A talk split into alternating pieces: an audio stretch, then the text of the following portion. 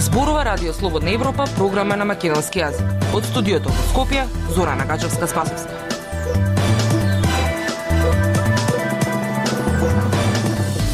Почитувани, ја слушате емисијата на Радио Слободна Европа. Во неја објавуваме какви последици од ескалацијата на кризата меѓу Русија и Украина може да се почувствуваат на македонско тло.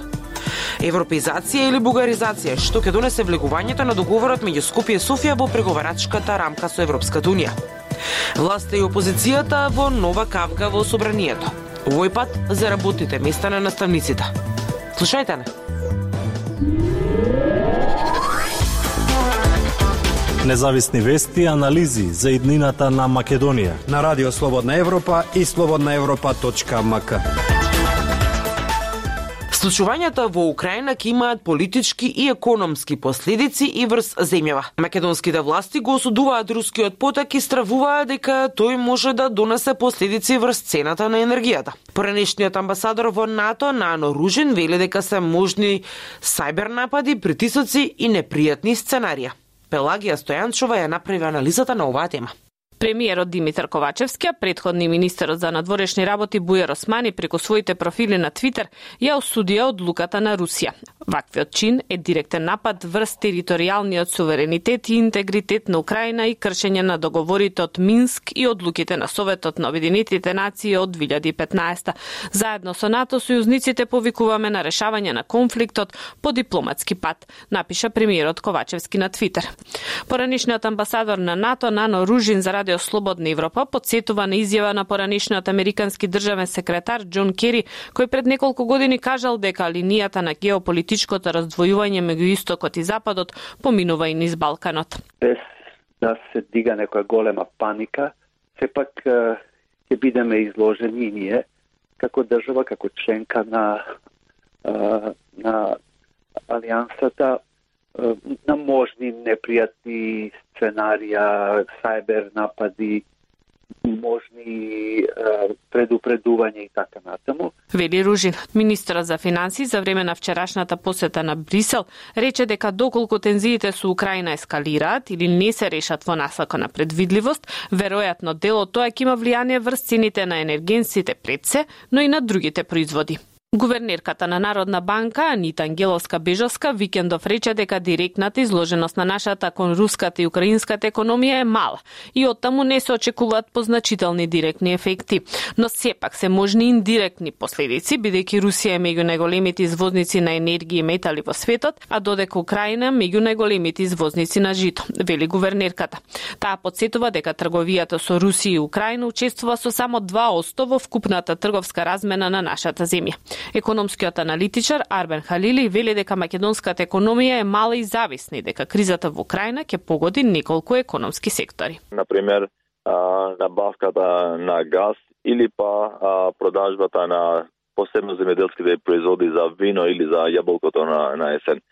Иначе, генерално, не сметам дека ќе има некој голем импакт а, врз нашата економија, поради фактот што а, не зависи ни а, набавката на суровините, ни па Русија ни е некој или Украина некој главен пазар каде што се а, продават домашните производи а, таму.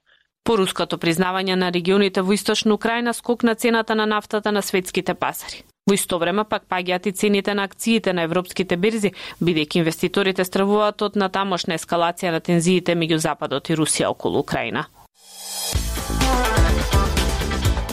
Слободна Европа Следете на на Facebook, Twitter и YouTube.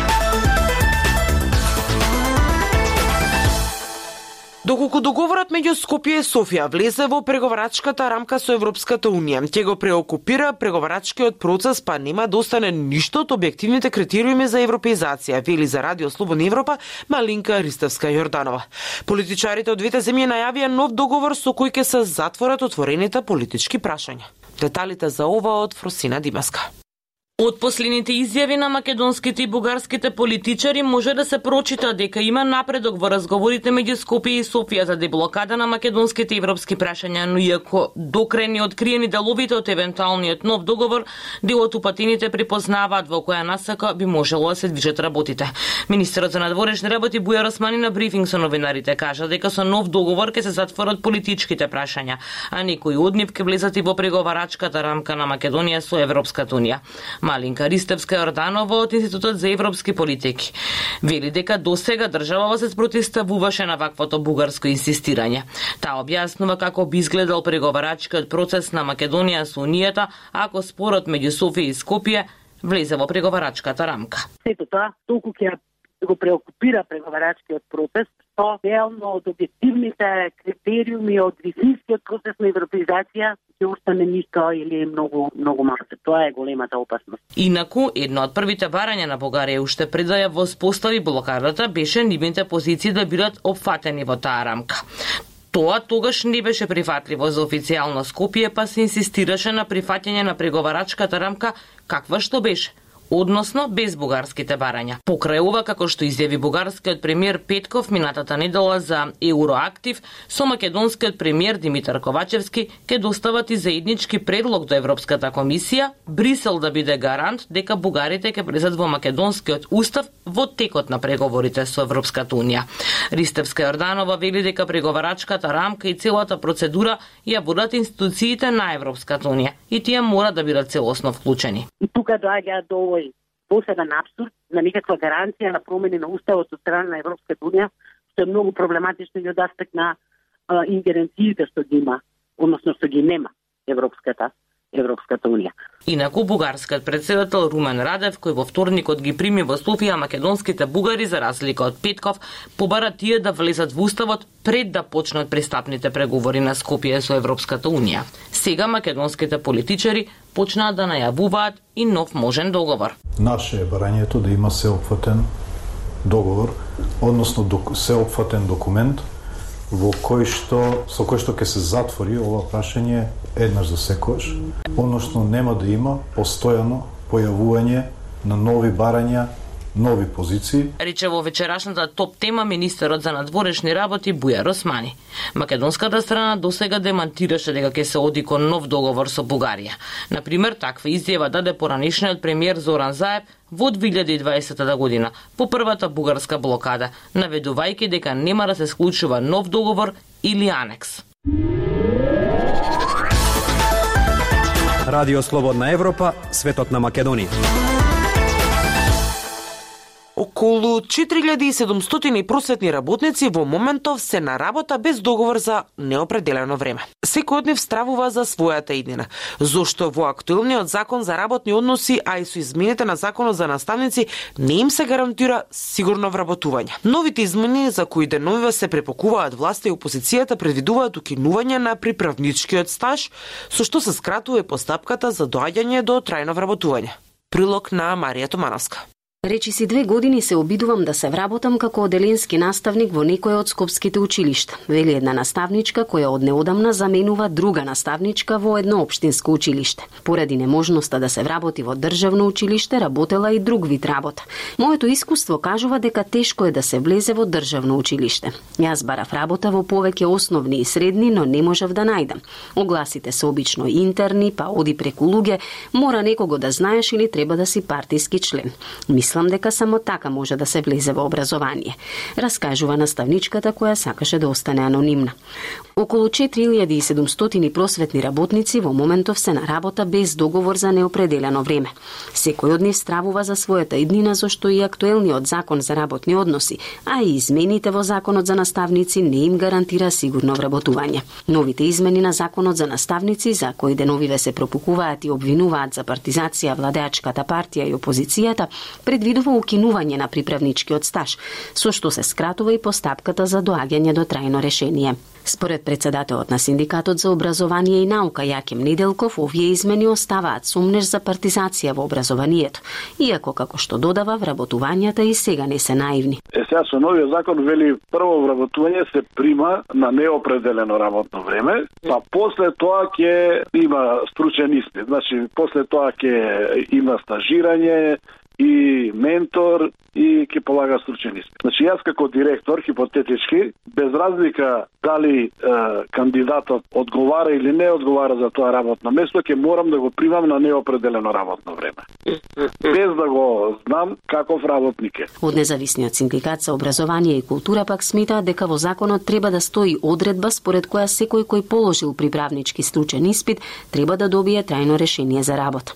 Вака вели Томислав Гиевски од овој синдикат се остава простор за можни манипулации во селекцијата на просветниот кадар. А тука вели може да се трансформира работниот однос и што значи дека едниот работник е поволен поради X причини, веднаш ќе му го трансформираме работниот однос уште не почнат, а другиот кој што не ни се свиѓа, немал врски, немал пријатели, тој може би ќе почека по временски период. Не бил партиски подобен, не бил член на најбројниот државен синдикат, значи има секакви притиски. Во меѓувреме, наставниците стануваат дефицитарни, особено оние по природни науки. Оние кои немаат доволен фонд на часови се принудени да работат во повеќе училишта.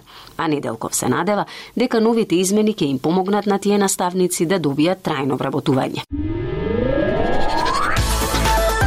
Култура и уметност на Радио Слободна Европа сабота на 26 февруари во Младинскиот културен центар во рамките на одбележување на 50 годишнината нова урбана градска институција ке настапат два белградски и еден софиски бенд. Концертот е само вовет во забрзувањето во чии рамки на 22 март во Скопје повторно доаѓаат Шорт Париз од Санкт Петербург. Прилог на Љупчо Јоловски.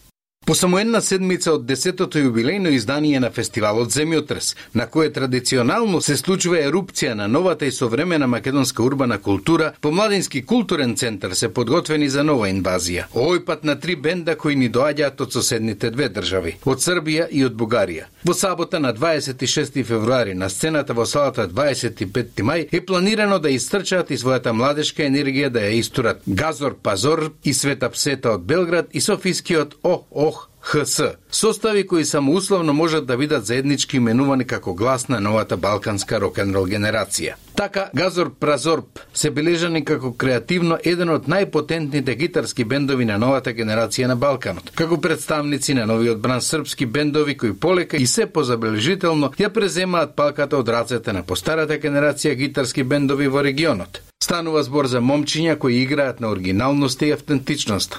Во април 2018 година тие го објавија своето дебитанско EP, едноставно насловено EP1, со како што вели таможната критика, хиперенергични песни, полни со дисторзии и рапови вокали. Во декември 2020 година веќе го имаат и второто ИПИ издание, Од воздух и сонце, кое носи пет свежи песни полни со младешки дух, разиграност и страст. И по него критичарите ќе забележат дека покрај очигледните влијанија на бендовите како што се репетитор или мец, нивниот нефатлив звук ја комбинира печатливата моќ на нојс рокот, комплексноста на мат рокот, постпанк разиграноста и експерименталноста на психоделичниот рок, комбинирајќи ги и англоамериканските и регионалните музички традиции. Од друга страна, за сета псета на страниците на регионалниот интернет портал Хеличери, само накратко ќе биде речено. Во помалку од една минута можете да забележите толку света псета се бесни и разуздани. Свират како ништо пред нив и да не постоело, а откако ќе ги слушнете тие песни,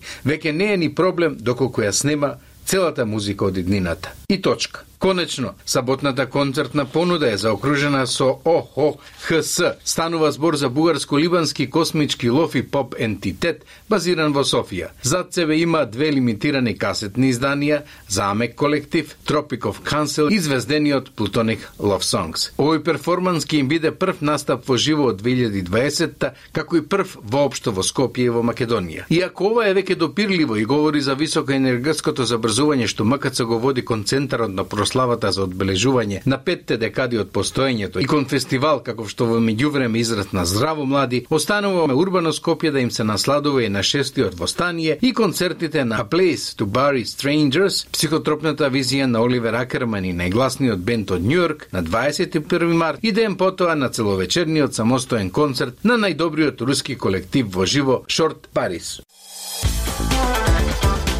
Тоа беше се што ви подготвивме за оваа емисија. Со вас од студиото во Скопје беа Зора Нагажевска Спасовска и Дејан Балаовски. До слушање.